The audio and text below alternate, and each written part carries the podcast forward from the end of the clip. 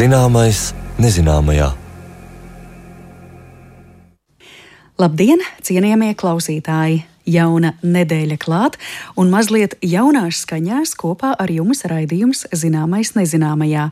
Mans vārds ir Mariona Baltkalne, un raidījuma producente ir Paula Gulbīnska. Šodien mūsu un jūsu uzmanībai kosmosa dzīves, kuras, kā esam pārliecinājušies mūsu iepriekšējos raidījumos, ir neizsmeļamas. Tāpēc jautājumus varam turpināt uzdot vēl un vēl. To mēs darīsim arī šodien, un raidījuma otrajā daļā noteikti uzdosim daudz jautājumu astronomijas jomas pārzinātājiem Mārtiņam Gillam un Intam Češānam, un jautājumi vīsies ap asteroīdiem, to pētniecību un zināmo līdz galam neizzinātajā asteroīdu pasaulē. Šiem neparastajiem Saules sistēmas objektiem ir dažādas formas, atšķirīgi izmēri, un tie pētniekus var gan pārsteigt, gan zināmā mērā biedēt. Bet kādas citas interesi raisošas debesu parādības un planētas varēsim novērot 2024. gadā? Uz šo jautājumu atbildes meklēsim raidījuma iesākumā.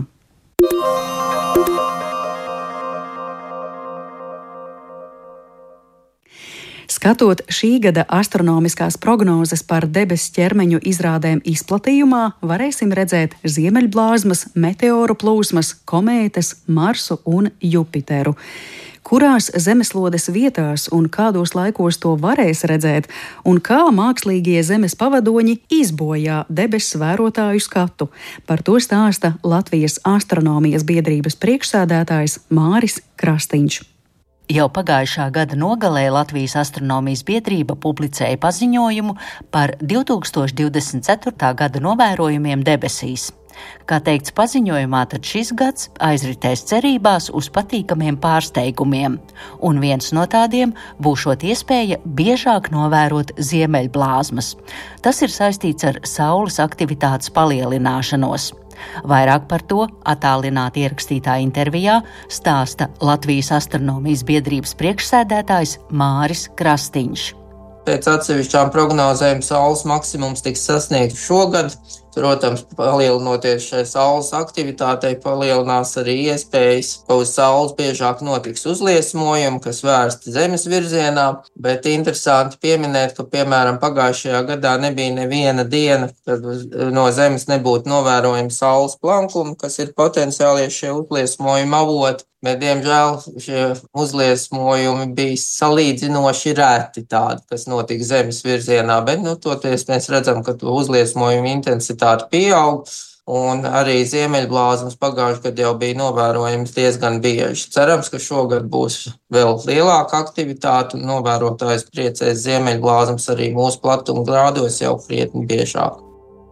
Vienīgi ir grūti prognozēt, kad krāšņās debesu izrādes skatītājiem ir jāsāk gatavoties šīs parādības novērošanai. Kā teica Māris Krastīņš, ziņas par ziemeļblāzmas uznācienu tiek izplatītas tikai vienu vai divas dienas pirms šī notikuma, un bieži vien arī pašiem prognozētājiem tas var būt liels pārsteigums. Citādāk tas ir ar ierastajām kalendārajām meteoru plūsmām, kas ir gaidāmas 12. augustā Perseīdu lietus un 14. decembrī Geminīdu. Spožo meteoru lietu droši vien daudzi atceras no pagājušā gada jūlija nogales un augusta mēneša debesīm. Taču Māris Krastīņš min vēl senākus laikus, kad Perseīdas krāšņoja debesis daudz intensīvāk. Jā, varbūt cilvēkiem nav palicis atmiņā, cik aktīvs Persīds bija pirms 30 gadiem, jo astronomi pēdējos gados, diemžēl, ir nedaudz vīlušies, jo tie, kur atceras, kā tiešām plūsma izskatījās pirms 30 un vairāk gadiem, tad ar zinām nožēlu secina, ka aktivitāte vairs nav tā, bet, protams, jādomā pozitīvi, un tas, ka cilvēki priecājas un pamana Persīdu meteorus, protams, ir ievērības cienīgs fakts. Gada sākumā noteikti vēl ievērības cienīgs ir fakts, ka varam novērot Jupiteru. Jupiters ir otrs spožākā planēta pēc Veneras. Venerai bija rīta redzamība janvārī, tā tagad jau ir gandrīz beigusies. Un šo gadu pavadīsim faktiski bez Veneras pie debesīm, jo tikai decembrī, pēc 11 mēnešiem, Venera atkal būs redzama vakaros. Pagājušais gads šajā ziņā varbūt bija interesantāks, bet kamēr Jupiteru var redzēt, protams, Jupiteru var novērot. Un eh, runājot par komētām, kā var lasīt izplatītajā paziņojumā, ka arī šogad varēs vērot, viena būs aprīlī redzama un otra oktobrī. Tad pirmais tad tā Ponsa Pruksa komēta. Jā, tās ir divas iespējams spožākās komētas, bet ar komētu spožumu prognozēm nevienmēr ir tik optimistiski viss, kā varbūt varētu ik viens cerēt. Tie ir laiki, kad orientējoši šīs komēdijas būs pie debesīm redzamas, cik spožas tās būs. Joprojām ir grūti pateikt, jo komēdijas spožums var mainīties te pēdējā brīdī. Pirmā komēdija, Pons Bruks komēdija, tā ir nosaukta divu to atklājēju vārdā, un otra komēdija, kuru varēs novērot iespējams oktobrī. Tā ir nosaukta pēc observatorijas un kosmiskā aparāta. Tā ir jauna tendence, ka Šobrīd vājas komētas jau tiek atklātas ar sarežģītākiem astronomijas instrumentiem, un tie vairs nav tradicionālie komētu mednieki, kur varbūt brīvajā laikā pētīja un mēģināja kaut ko ieraudzīt un atklāt. Bet, kā jau minēju, komētu spožumu ir grūti prognozēt. Tuvojoties aprīlim, mēs jau zināsim precīzāk, cik šī komēta būs spoža un vai to varēs redzēt ar neapbruņotu aci. Un tas pats attiecas arī uz Čučinšanas atlases komētu, tuvojoties rudenim, varēs precīzāk pateikt, cik spoža šī komēta būs. Tālāk mums ir jārunā par Saules un Mēnesa aptumsumiem, un vai tos varēs novērot visi planētas iedzīvotāji. Tā ir tradicionāla statistika, ka vidēji katru gadu var novērot divus Saules un divus Mēnesa aptumsumus. Pirmais no tiem 25. martā pusēnas Mēnesa aptumsums novērojams Ziemeļamerikā un Dienvidamerikā. Ar pusēnas Mēnesa aptumsumiem gan ir jāteic tā, ka tos var knapi pamanīt un Nepieredzējis novērotājs pat īpaši neievēros, ka mēnesis varbūt ir mazliet, mazliet tumšāks par ierasto. Toties nākamais aptumsums 8. aprīlī pilns saules aptumsums, kas būs novērojams Meksikā, ASV centrālajā daļā un Kanādas austrumos, būs jau pietiekami ievērojams notikums. Pilns saules aptumsums vienmēr ir interesanti. Un, ja kāds no Latvijas plāno doties uz šīm valstīm, protams, var paveikties un nesot uz vietas attiecīgajās vietās 8. aprīlī. Domāju, ka tas būs kārtējo reizi jauks iespējas, ja izdosies novērot šo pilno saules aptumsumu. Un es saprotu arī, Jā, otrs saules aptumsums nebūs redzams Latvijas teritorijā. Un Latvijā, diemžēl, nē. Šīs gads, varētu teikt, ir diezgan nepateicīgs saules un mēnesi aptumsuma novērojumiem Latvijā. Vienīgais, ko varēsim novērot, būs 18. septembrī daļais mēnesi aptumsums. Tas būs novērojams diezgan plašā teritorijā un arī Latvijā. 18. septembra agrā rīta stundā to varēs novērot, tomēr maksimālā fāze būs tikai 0,09, kas nozīmē, ka viens mazs, mazs, neliels laukumiņš pašā mēnesis diska malā būs aptumsis. Un šeit jāteic līdzīgi kā pusēnas mēnesis aptumsuma gadījumā, nezinātājiem iespējams būs grūti pateikt, ka tas tiešām ir daļējais mēnesis aptumsums. Kā ir, ja mēs par citām planētām vēl runājam, ko varēs redzēt? Vienmēr interesanti ir censties novērot Merkuru, jo Merkurs ir gan sarežģīts priekšnovērojumiem.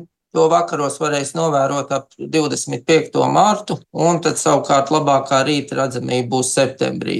Ja Merkūram novērošanas periodi iekrīt pavasarī vai rudenī, tad tie vienmēr ir diezgan labvēlīgi jo tad arī Merkurs atrodas augstāk virs horizonta. Venēra novērojuma laiks no rītiem ir te beidzies. Decembrī to atkal varēs novērot vakarā. Marsa redzamība sāksies jūlijā, un tad līdz oktobrim to varēs redzēt rītos un nakts otrajā pusē.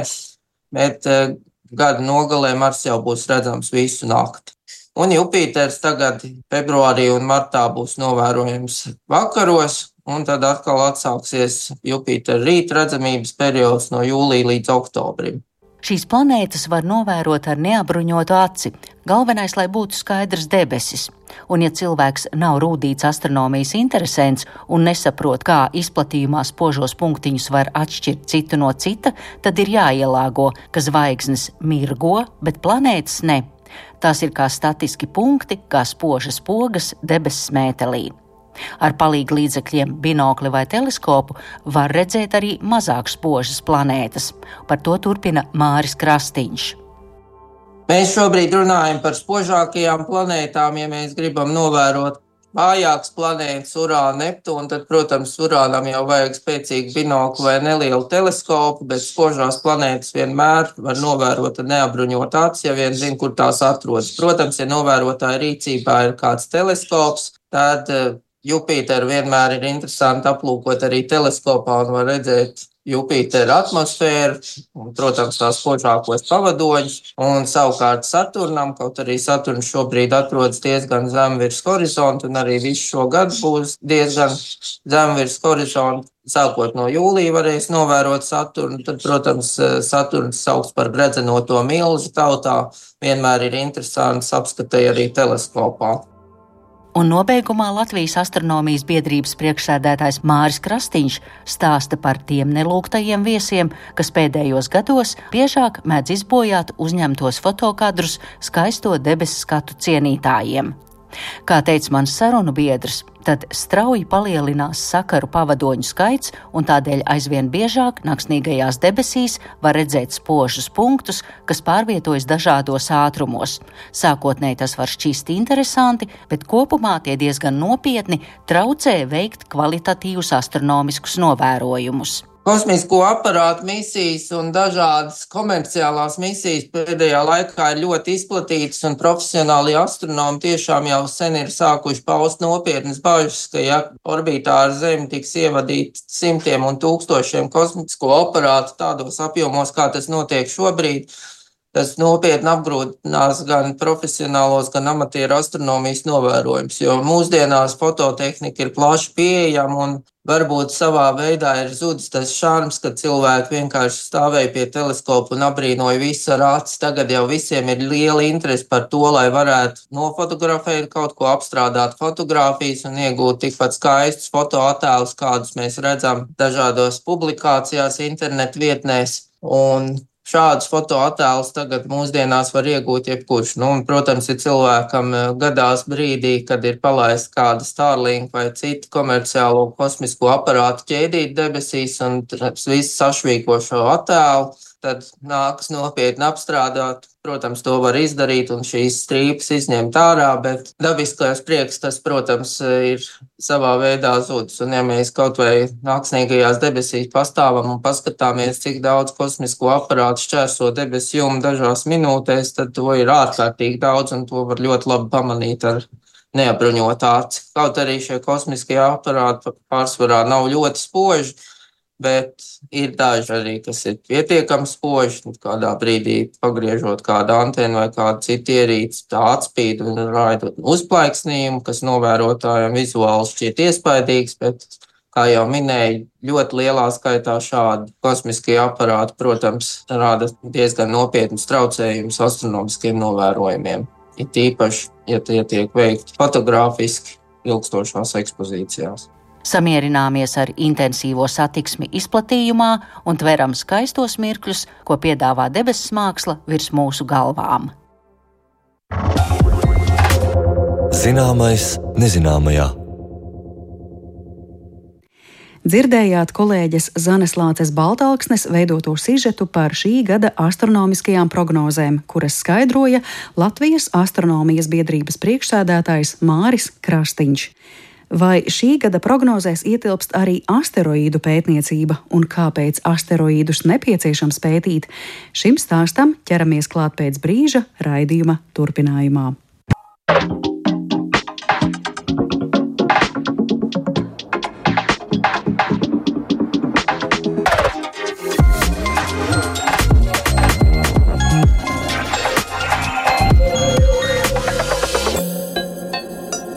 Zināmais nezināmajā. Saules sistēmā atrodas aptuveni miljons mazu un lielu teju kartupeļiem līdzīgu asteroīdu, kuru pētniecībā iesaistās gan profesionāļi apjomīgās misijās, gan amatieri. Kāpēc asteroīdi ir jāpēta? Ko tie var mums pastāstīt un kuras misijas līdz šim ir bijušas veiksmīgākās un atnesušas mums jaunas zināšanas par šiem tālajiem Saules sistēmas klejotājiem? Par to tad mums šodien gatavs ir stāstīt Latvijas astronomijas biedrības pārstāvis Mārtiņš Gils. Labdien, Mārtiņ! Labdien!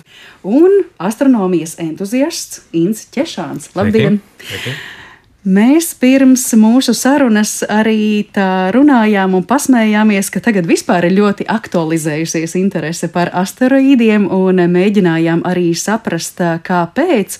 Varbūt ieskicējiet, kas jūsu ikdienas gaitās tieši ir aktuāls saistībā ar asteroīdiem Latvijas astronomijas biedrībā, cik tur? Asteroīdi ir tāda viena no lietām, kas dažus cilvēkus diezgan satrauc, jo tie zināmā veidā varētu būt arī nevēlami viesi uz Zemes. Jo tāda ja potenciāli kādreiz kāds asteroīds ietriektos Zemē, tā varētu būt diezgan liela katastrofa. Tas ir viens virziens. Cits ir tas, ka asteroīdi ir faktiski Saules sistēmas sākotnējās tās vielas, jeb sākotnējā materiāla paliekas. Tas ir tas materiāls, no kā neizveidojās planētas. Un faktiski minimāli transformētā veidā tur ir atrodami vairāk miljardus gadu seni materiāli, kas būtu liecinieki tam, kas bija tā pirmā viela, no kā salipinājās kopā un sakausējās pēc tam pārējās planētas. Jo daudz no asteroīdiem nav izgājuši cauri tam posmam, kad dažādu lielu gravitācijas spēku un sadursmes rezultātā tas materiāls būtiski transformējas. Varētu teikt, ka vairumā gadījumā tas ir relatīvi neskarts. Un tāpēc uh, iespēja izpētīt asteroīdu ir vairāk saprast to, kā ir veidojusies Saules sistēma. Un es saprotu, ka jūs arī Latvijas astronomijas biedrībā tieši rīkojat tikšanās, lai par to stāstītu, jo, kā jūs teicāt, cilvēkus tas uztrauc. Jā, nu tas ir tāds vairāk tāda emocionāla pieskaņa, bet nākamais ir jautājums, kā īsti var izpētīt asteroīdus. Jo, ja mēs pat lietojam diezgan kārtīgu teleskopu, asteroīds joprojām pie debesis būs kā tāds nu, neliels, samērā vājš, spožs punktiņš Un uh, tas arī faktiski ir viss. Pēc vairāku novērojumu sērijas ir iespējams rekonstruēt, uzmodelēt, kāda ir šī asteroīda orbīta. Mēs saprotam, kā tas riņķo ap Sauli, vai tā orbīta potenciāli var šķērsot Zemes orbītu un kā citādi. Bet uh, neko vairāk par asteroīda formu, ķīmisko uzbūvi uzreiz pateikt nevar. Un tad tālāk jau ir tādas īpašas metodes, kā var pēc astrotā spektra mēģināt saprast, kāda ir ķīmiskā uzbūve, bet savukārt eh, ir tāda metode, kā asteroīdu radītas zvaigžņu aizklāšanas, tad jau lūk, pieslēdzas astronomijas amatieri, kuri var palīdzēt noteikt asteroīdu formu. Pie dažām niansēm jūsu šobrīd eh, nosauktajām mēs noteikti vēl pakavēsimies. Bet eh, jūs, Mārtiņ, teicāt jau sākumā, kas tad asteroīds ir tādas paliekas Saules sistēmā apkopotas. Medicīnā, piemēram, mēdz teikt, ka ir ļaundabīgi un labdabīgi audzēji. Tad eh, mēs tā varam teikt arī par asteroīdiem, ka tie var būt nu, tādi vienkārši tur neitrāli tiešām klejo, bet vienlaikus arī ļaundabīgi ar lielu risku Saules sistēmas objektiem, to starp Intas jums es lūkojos. Jā, protams, šādi asteroīdi ir. Viņi bijuši agrāk, un viņi ir arī šodien. Jānovērtē, cik liels ir tas asteroīds, kas ietrieksies Zemē. Ja mēs runājam par salīdzinoši maziem, varbūt tas nav tik briesmīgi. Ja mēs runājam par kaut ko tādu, kas iznīcināja dinozaurus, nu, tad tas būtu diezgan katastrofiski. Par asteroīdiem mēs saucam tos objektus pietiekami blīvus, kas ir izmēros no metra līdz 1000 km. Un šobrīd mums tādi ir uzskaitīti apmēram 1 300 tūkstoši, diezgan daudz. Gan tas ir jāsaka piliens jūra salīdzinājumā ar to, kas ir vispār atrodams Saules sistēmā. Jo, nu, šo objektu ir ārprātīgi daudz. Ja mēs ņemam klāt komētas kaut kur orta mākonī, mēs runājam par triljardu, ja, un tas ir ļoti daudz tas, kur šī asteroīda atrodas, cik liela ir varbūtība, ka kāds kādreiz šķērsos to ceļu ar Zemi, tas ir cits jautājums. Mums ir trīs galvenās vietas, kur mēs šos asteroīdus atrodam. Tā ir galvenā asteroīda josla starp Marsu un Jupiteru, diezgan tālu no Zemes. Tad ir daudz, daudz tālāk ārpus Neptūna orbītai, kur mēs saucam par Cooperu joslu. Nu, un visbeidzot, orta mākslinieks, kas sniedzās līdz pat pusotram gaismas gadam no Saules, kur ir atrodami ļoti daudz objektu. Ir Zemē tuvu objekti, gan lielāki, gan mazāki. Nu, tie, kas ir cik necik lieli, viņi ir vairāk vai mazāk mūsdienās jau apzināti. Vienmēr var gadīties kaut kas, kas atlidos no kaut kurienes greizes, sevišķi attiecas uz kometām, kas eh, kustās par tādām izteikti eliptiskām orbītām, kuras arī novirzīt varbūt būtu grūtāk, ja, bet uh, mēs viņus novērojam. Un otrs, mums ir īstenībā ir bijuši eksperimenti par to, ko darīt, ja pēkšņi mēs tādu astotnīdu pamanām, kas mūs apdraud. Nu, kā mēs viņu varētu novirzīt, vai sašķelt, vai vēl kaut ko. Ja. Mm. Jūs, Int, pieminējāt asteroīdu josla. Vai ar to var saprast, ka tie asteroīdi, kas ir kaut kas tuvāk Zemē, kaut kas tālāk no Zemes, ka tie koncentrējas tādā kā čupiņā, es izmantošu šo vārdu, un tad no šīs joslas vai čupiņas kaut kas atšķiļās un lido zemes virzienā, nedodies vai citā virzienā? Ne tik daudz atšķiļās un lido citā virzienā. Es domāju, tie ir atgadījumi. Vienkārši šie asteroīdi ir atrodami visur Saules sistēmā. Ir vietas, kur viņi ir stipri vairāk, kur viņi koncentrējās. Tā ir šī asteroīdu josla. Bet tas nenozīmē, ka viņi nav zemes tūmā. Ir pietiekami daudz. Jā, nu, nu jā, tie jāpiebilst, ka asteroīdu joslā skats nav tāds kā zvaigžņu karu filmā, kur lidojot mēs redzam, ka viens, otrs, trešais, ceturtais akmens lido. Tur attālums starp Marsu un Jupiteru ir ļoti liels, un tie asteroīdi nemaz tik daudz tur tā vizuāli nav. Vienkārši statistiski sanāk, ka lielākā daļa orbītu tur atrodas, bet starp asteroīdiem ļoti liels tukšums, un nav tā, ka mēs lidojot, tagad paskatoties pa labi, pa kreisi, redzēt mm. vienu, otru, trešu asteroīdu. Tas sastāvs tad sanāk, ir visiem vienāds, neatkarīgi no tā, kur tie atrastos atkal tuvāk Zemē vai ļoti tālu no Zemes. Mums ir oglekļa asteroīdi, kur ir akmens, minerāli, ogleklis, un to ir 75%, 3 ceturdaļas. Mums ir silīcija asteroīdi, mums ir dzelzceļa asteroīdi, 5%, kas mums šķiet ļoti interesanti. Vēl šādi tādi, un visi tur viņiem apakštipi, bet nav tādas izteikts, ka tagad, teiksim, Zemes tūmā būtu vairāk oglekļa asteroīdu vai vairāk metāla asteroīdu nekā tas būtu asteroīdu joslā. Apmēram līdzīgi. Jā, populārākie ir tā saucamie hondrīti kas ir eh, tāds tā kā salipināta silikāta un oglekļa masa kopā. Un eh, jāsaka, tāds uzskatāms piemērs, kādi pēc sastāva ir asteroīdi, ir eh, tie paši radinieki meteorīti, jo tie ir vai nu mazie asteroīdi. Ma, mazie asteroīdi vai kādas asteroīdu lauskas, kas uh, izgājuši cauri Zemes atmosfērai. Liela daļa ir sadegusi, sašķēlusies gabalos, bet tas, kas ir izdzīvojis, tie ir tie meteorīti. Un, ja mēs pieņemsim apmeklējumu vai nu, Latvijas Universitātē, Friedriča Candera muzeju vai Mazo meteorītu muzeju Rīgā, tad mēs varam arī klātienē apskatīties, kādi tad ir meteorīti un attiecīgi kādi ir tie asteroīdi. Atsevišķi meteorīti tie veidojušies uh, sadursmes rezultātā ar Marsu vai Mēnesi, un attiecīgi tad, uh, šis te Marsa gabaliņš vai mēnesis gabaliņš nonāca uz Zemes. Tādi daži ir, bet pārsvarā tie ir uh, brīvi klejojošu asteroīdu gabali. Mm -hmm. Mm -hmm. Nu, pie tās nomenklatūras es pirms minēju, astoņdesmit tātad no metra līdz tūkstotis kilometriem tur kosmosā. Ja, mm. ja viņš ir mazāks par metru, mēs viņu saucam par meteoroīdu. Aha. Un ja viņš ienāk Zemes atmosfērā, un mēs redzam šo švīku, kur viņš uzlien, tad tas ir meteors. Un, ja viņš ir nonācis līdz Zemē, mēs viņam pataustīt, tad tas ir meteorīts.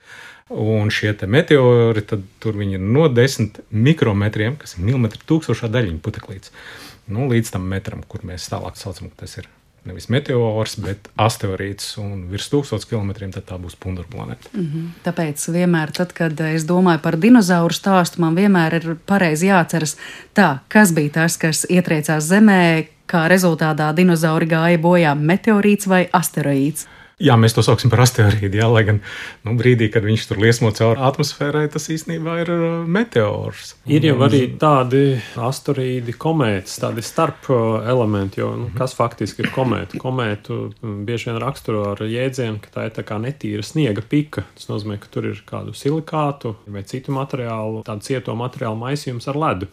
Bet, ja tā proporcija ir vairāk uz vienu vai uz otru pusi, tad tur var veidoties kaut kas tāds pa vidu. Pieņemsim, komēta, kas ir izčākstējusi, kurai kodols faktiski jau būtu klasificējams tuvāk kā asteroīds. Mm -hmm. nu, jā, redz, mēs klasificējam, tās ir komētas, tās ir asteroīdi. Asteroīdi mums arī ir šie tipi, ir blīvāki, mazāk blīvi.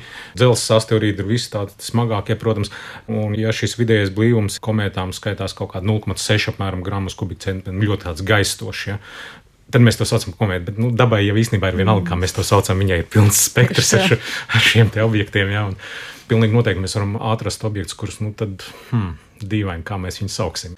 Mēs esam pieraduši domāt, ka komēta pietuvojās Saulē, šīs vielas uzkarst un viņas tiek izmestas ārā, un komētē parādās asti. Un asteroīdiem astes nav, viņi ir blīvāki, tur nav gaistoši materiāli. Bet mēs varam atrast, kur šis blīvums ir mazs, un viņš tomēr to asti nemetīs un ir mazliet lielāks, un tik un tā būs asti. Tas nav tā kā viens plaukts, otrs plaukts. Jā. Mums ir pilns spektrs. Man ļoti patika tas, ko jūs teicāt. Dabai ir vienalga, sauciet kā gribiet. un uh, droši vien mēs līdz ar to arī turpinām uzdot jautājumus, kas tas ir. Ja mēs runājam par asteroīdu pētniecību, tad, eh, protams, te mums ir arī jārunā par misijām, kas paver ceļu uz jaunu sapratni, kas tad tas ir, no kā asteroīdi ir veidoti, vai tie ir bīstami vai nav bīstami. Šķiet, pati pirmā misija, kas bija saistīta ar asteroīdiem, bija Galileo misija, bet pēc tam noteikti ir vēl virkne citu. Mm, jā, Galileo misijai tas faktiski bija tāds varbūt daļai nejauši vai piemeklēts starpmērķis, jo pats Galileo aparāts lidoja uz Jupiteru. Bet uh, izrādījās, ka veiksmīgā kārtā ir iespēja pārlidot divus no asteroīdiem. Pirmais bija Gaspra, un faktiski tas bija arī tāds pirmais fotogrāfiski piefiksētais asteroīds tūplānā. Un, uh, tur arī parādījās tas secinājums, ka tiešām ir neregulāra forma. Pēc tam nākošais bija Ida, un Ida arī bija tāds neregulārs formas. Nu, tad jau faktiski veidojās tā izpratne, ka tie asteroīdi lielākoties izskatās, kā jau bija minēts, ar līdzīgi kartupeļiem. Jā. Daži varbūt ir izstieptāki. Vēlāk ir arī secināts, ka daļa no asteroīdiem ir uh, veidojušies no divām daļām un salipuši kopā. Tad viņi kaut kādos rakursos atgādina sniega vīru. Citi atkal ir garani. Nu, tā varētu teikt, tāds vai nu kaut kāds uh, garants kartupēlis vai banāns. Nu, tur var piemeklēt, bet uh, tādi smuki apaļi asteroīdi faktiski nav. Tikai lielākie varētu būt tādi. Cik ilga ir tā asteroīdu tādas tiešām apzinātas vai nejaušas pētniecības evolūcija no šiem Galileo pirmsākumiem? Te mazliet domas dalās, ko mēs saucam par pirmsākumiem. Un strikt ņemot arī pirms Galileo, vēl pionieri 1072. gadā pa ceļam uz Jupiteru palidoja pietiekami tuvu garām diviem asteroīdiem un novērojumi tika veikti. Ja, nu, tas, ka viņš tur vairāk pa punktiņu nesaskatīja, ja, tas ir cits jautājums, ja, bet tāda pieredze ir. Tā kā, nu, ir kāds laiciņš jau iekrājies, nu, gada 50 mums jau ir aiz muguras. Cita lieta, ka vairums šo misiju ir nu, pēdējie 20, 30 gadi. 70. gadu vidū, kad iekšējā Saules sistēmā viesojās Halē komēta, tad tur bija vesela virkne aparātu, kas uz viņiem aizlidoja klātienē Halē komēta pētīt, bet jā, pārsvarā tie ir 90. un 2000. Labi, tad viena lieta ir saprast, eh, kāda forma ir, bet teiksim, šis eh, sastāvs, no kā tas ir veidots, vai bīstamība, tie arī ir faktori, kas labāk ir izprasti nākamajās misijās, kuru vidū droši vien vēl var minēt Stardust un Deep Space un vēl citas. Eh, Stardust, jā, tā bija viena no misijām, kas savāca komētas astes paraugus. Protams, katru paraugu, kur mēs atgriežam uz Zemes, tas ir kvantitatīvi nu, lielāka iespēja viņu laboratorijā pētīt nekā kaut ko, ko mēs pa gabalu paskatāmies. Cita lieta, ka šādas misijas ir ļoti sarežģītas un nebūtu ne lētas vairumā gadījumā. Un, nu, mēs jau uz pirkstiem varam pārskaitīt, cik viņas ir bijušas. Ja, un, Savukārt, paraugi, kas ir atgriezti, ja tos pēta ilgi un, un pēta joprojām, galu galā arī mēnesis paraugus, kas 60. beigās, 70. sākumā atgriezīs, joprojām pēta. Ja, nu, kāpēc ne? Starp citu, Siris Reks, kas tagad pirmo reizi atgriez nu, ievērojumu daudzumu no šo paraugu, 250 gramus apmēram. Jā. Tas ir no asteroīda ļoti daudz. Es lasīju, ka 70% no šiem paraugiem vienkārši tiks nolikti seifā, sterilā un vispār uz viņiem pat neskatīsies. Viņus atstās nākotnes tehnoloģijām, ja pēc desmit gadiem izsniegs gabaliņu, paskatieties, tagad vēl tur kaut kādā 2050. izsniegs, paskatieties, tagad, ja ko jūs tur redzat, ar jaunām metodēm, ar jaunām iespējām tā mēs darītu. Jā. Jā. Mm. Nu, jā, jāsaka, ka īstenībā tādu paraugu savākšana no asteroīdiem mums tik vienkārši nav. Jo te nav tā situācija tāda, ka mēs varam mierīgi nolaisties uz tā asteroīda, nosēdināt kādu aparātu uz četrām kājām un tad ar urbi paurupu paņemt, ko vajag un aizlidot projām. Jo gravitācija ir ļoti minimāla. Faktiski jau pati pietuvošanās ir samērā strauja, ir jānobremzē. Un tad ļoti, ļoti delikāti ir jāpietuvojās. Un vismazākais atsitiens uzreiz aizmet prom to aparātu. Tāpēc tur sanāk tā, ka ir ar ļoti tādām interesantām inženieriskām lietām jānodarbojas tiem kosmisko misiju veidotājiem. Kā savākt tos paraugus, ielikt uh, attiecīgajā kārbā un pēc tam tam aparātam doties atpakaļ. Tiešām liela daļa no asteroīdiem ir nu, tāda samērā varbūt irdeni, un bija pat nelielas bažas, ka varbūt nosēžoties, tas aparāts iegrims arī nu, kaut kādu metru dziļumā un iesprūdīs akmeņos. Jo ir bažas, ka dažiem asteroīdiem tā virsma ir redzama, Bet faktiski tur ir tāds gan biezs putekļu slānis, gan smiltis, kas. Kuras neko nesver. kas neko nesver. Jā, pie mazākās kustības tās smiltis un akmeņi pastumsies sānis un ar savu inerci, pieņemsim, aprāts var iegrimt. Tas bet, tā kā dūņās. Jā, bet uh, bija tagad arī tas eksperiments DART, kur bija tāds 600 kg smags ātri iekustināts, varētu teikt, dzelzs gabals ietriekts neliela izmēra asteroīdā. Nu, tur bija veiksmīgi. Jā, tas gabals neizskrēja cauri tam asteroīdam, nepazuda viņā un pat uh, pamanījās nedaudz, nedaudz arī izmainīt šī asteroīda pavadoņa orbitu. Jā, DART, tad atgādināsim klausītājiem, tā ir abreviatūra angļu valodā, ko tad latviešu valodā varētu tulkot kā dubultā asteroīda novirzīšanas tests. Pirmā misija, kas īstenota asteroīda novirzīšanas metodes izpētēji un demonstrēšanai, mainot asteroīda kustību kosmosā ar kinētisku triecienu. 2021. gadā uzsākta misija, bet tas, tad es saprotu, ir tāds apzināts paņēmiens kaut ko dabūt ārā no tā asteroīda, bet nevis mēreni nolaižoties, bet tiešām triecoties iekšā. Nu, tas bija pavisam praktisks un pragmatisks tests, kas uh, iet mazliet tālāk par akadēmiskām zināšanām. Tur nebija mērķis dabūt kaut ko no astrīda laukā. Tas, ka tur izlidoja vesels mākslinieks ar visu kaut ko, un ka mēs to pētījām, tos spektrus un kas tur ir, tas ir ļoti forši. Ja? Bet mērķis bija izmainīt orbītu, izmainīt ātrumu.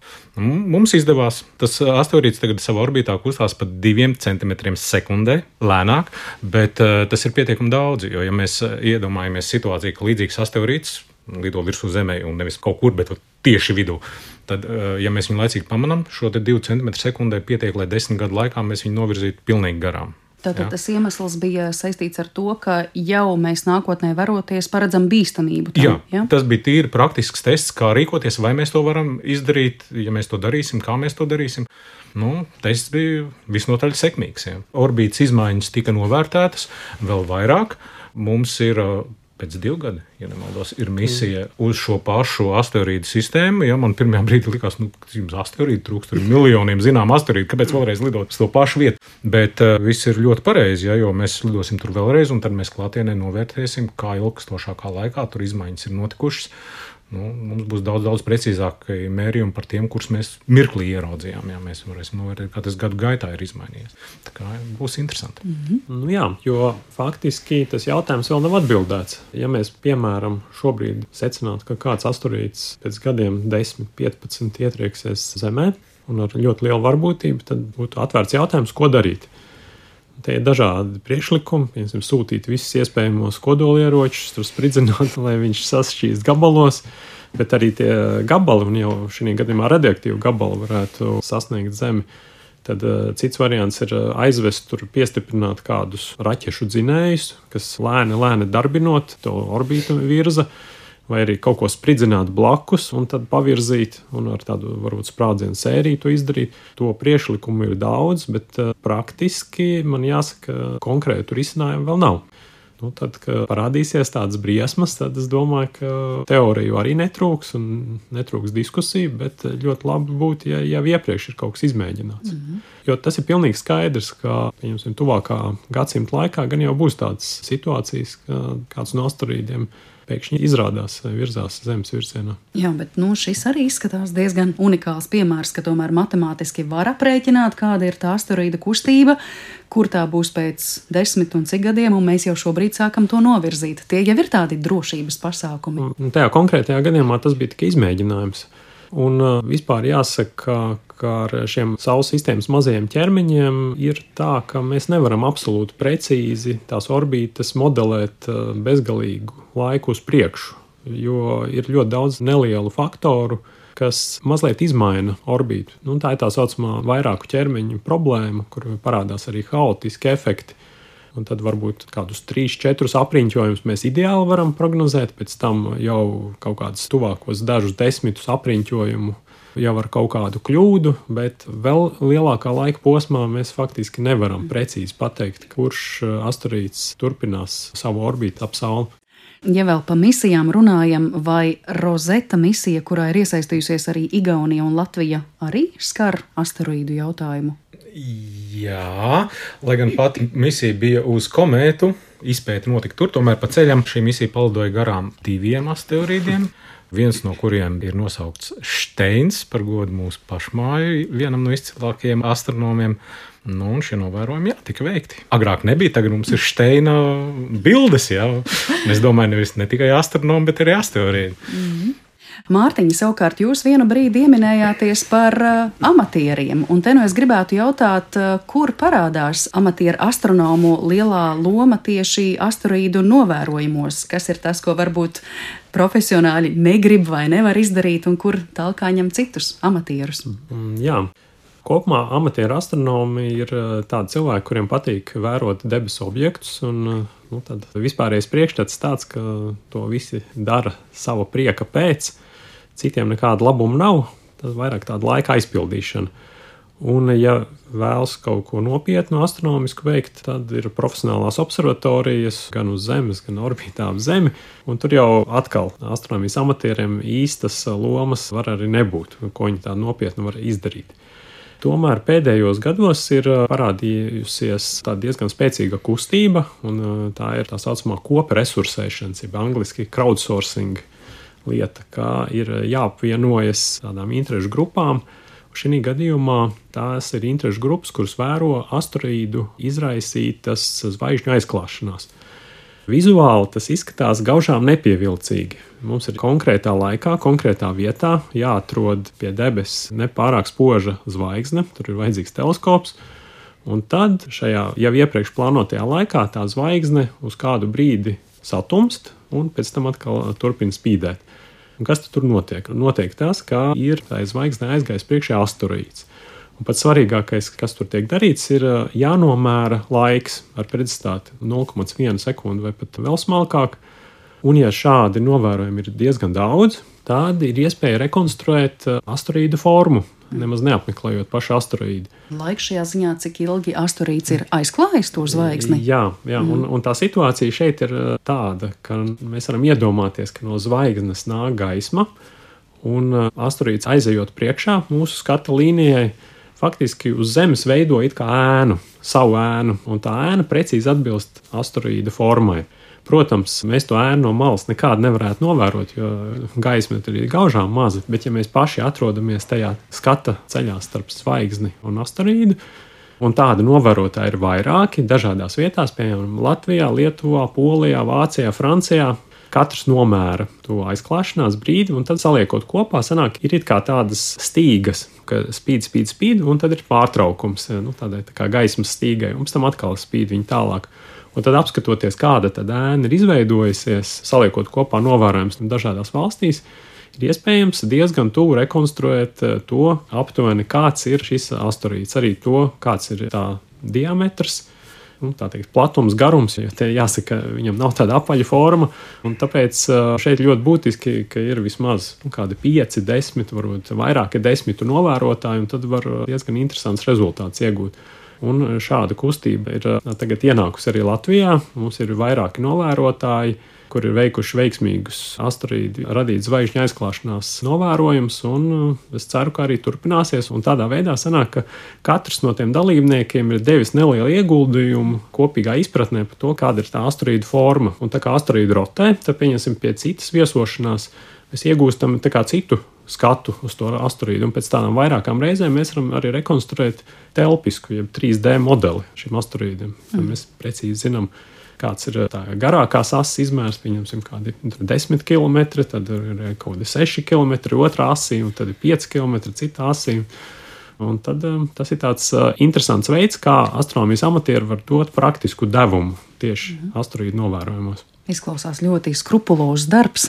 Starp citu, fotografijas, kas mums ir par asteroīdiem, tas kaut kādā mērā arī ir varbūt amatieru veikums, vai tik tālu amatieri neaizsniegtos. Asteroīdi izskatās novērojamos no Zemes kā tādi nelieli punktiņi, faktiski uz fotografijām starp zvaigznēm. Un tā atšķirīgā lieta ir tā, ka salīdzinot dažādos datumos vai vienas dienas ietvaros, pat dažādās stundās veikts fotografijas, var redzēt, ka tas punktiņš ir pārvietojies. Vairāk neko nevar. Palielinu nevar, jā, es piekrītu vismaz tāliem asteroīdiem. Izņēmumi ir tie, ka dažkārt kāds asteroīds palido ļoti tuvu garām Zemē, nu tad viss tur metās pēdējā brīdī viņu novērot. Protams, lielās observatorijas tur dažkārt ar kaut kādiem radariem dabū un viņi lielākas bildes. Bet tam arī ir ar mēdzi viņas fotografēt. Nu, tad tur jā. var mēģināt kaut ko ieraudzīt. Nu, jā, te jāpiebilst, ka um, asteroīda fizisko izmēru noteikšana palīdz arī saprast, uh, kāds ir tā materiāla blīvums. Jo pēc orbītas mēs varam secināt, uh, kāda ir asteroīda masa. Bet, ja mēs nezinām to fizisko izmēru, mēs nezinām, cik blīvs ir materiāls. Un, ja pieņemsim, materiāls ir ļoti blīvs, tad mēs saprotam, ka tur var būt eh, daudz metāla, dzelzs. Pieņemsim. Ja viņš ir dikti irdens, tad mēs saprotam, ka varbūt tur ir kaut kāda vairāk ogla un nepārāk varbūt blīvi saķērusies kopā. Tā kā fizisko izmēru noteikšana ir sava nozīme, mm. jo tas ļauj saprast arī to asteroīdu uzbūvi. Vēl gribēju pajautāt, mēs jau tā pirmīt runājām, ka, protams, asteroīdi ir arī ļoti, ļoti tālu Saules sistēmā, un vienu brīdī arī publiskos aprakstos mūsu redzeslokā nonāca tāds īpatnis ar nosaukumu Oumoamo. Abi kungi māja ar galvu, jā, nu, ar ko tad tas bija īpašs? Jā, kā jau minēju, arī spēcīgos teleskopos vērojot asteroīdus no Zemes, tie joprojām izskatās kā punktiņi. Tomēr, salīdzinot šādu uzņemto kadru sēriju, mēs varam noteikt uh, attiecīgā asteroīda pārvietošanās ātrumu. Tā orbīta. Un šajā gadījumā pārvietošanās ātrums bija lielāks nekā tas ir citiem asteroīdiem mūsu Saules sistēmā. Un tas bija tik liels, ka pie šāda ātruma tas asteroīds arī pamet tālāk Sauli. Un bija skaidrs, ka tas ir atnācējis, no nu, tādā ziņā tas ir viesis no ārpus Saules sistēmas, palido, izlido cauri, nu, izlido cauri Saules sistēmai un aizlido projām. Un uh, otra tāda interesanta lieta bija tā, ka ar tādu apbrīnojumu regularitāti mainījās tās spožums. Un tika secināts, ka šim asteroīdam ir garena forma un viņš rotē. Un tā forma ir nevis vienkārši garena, bet uh, ir pat pieļauta doma, ka tā attiecība varētu būt viens pret desmit. Nu, faktiski tāds tā kā baļķis, liela izmēra baļķis, kas lido cauri. Te uzreiz arī parādījās spekulācijas, ka varbūt tas ir citplanētiešu kuģis, jo, lūk, nu, kas gan vēl no ārpus Saules sistēmas var lidot, garenas formas, varbūt ir avarējis un tagad uh, kūleņo cauri. Tā kā arī tādas teorijas netrūka. Bet uh, faktiski nav izslēgts arī, ka šādi objekti būs novēroti arī tālākā nākotnē. Vienkārši šobrīd tas ir pirmais tāds gadījums.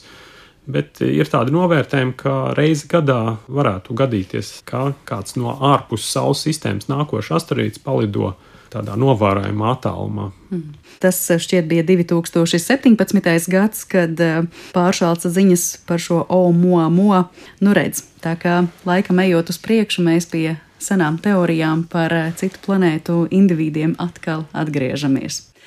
Bet, eh, tuvojoties mūsu sarunas noslēgumam, eh, tad eh, jāsaka tā, mēs pašā sākumā runājām, ka tagad ir tāda kopēja interese par asteroīdiem, arī jūs astronomijas biedrībā par to runājat.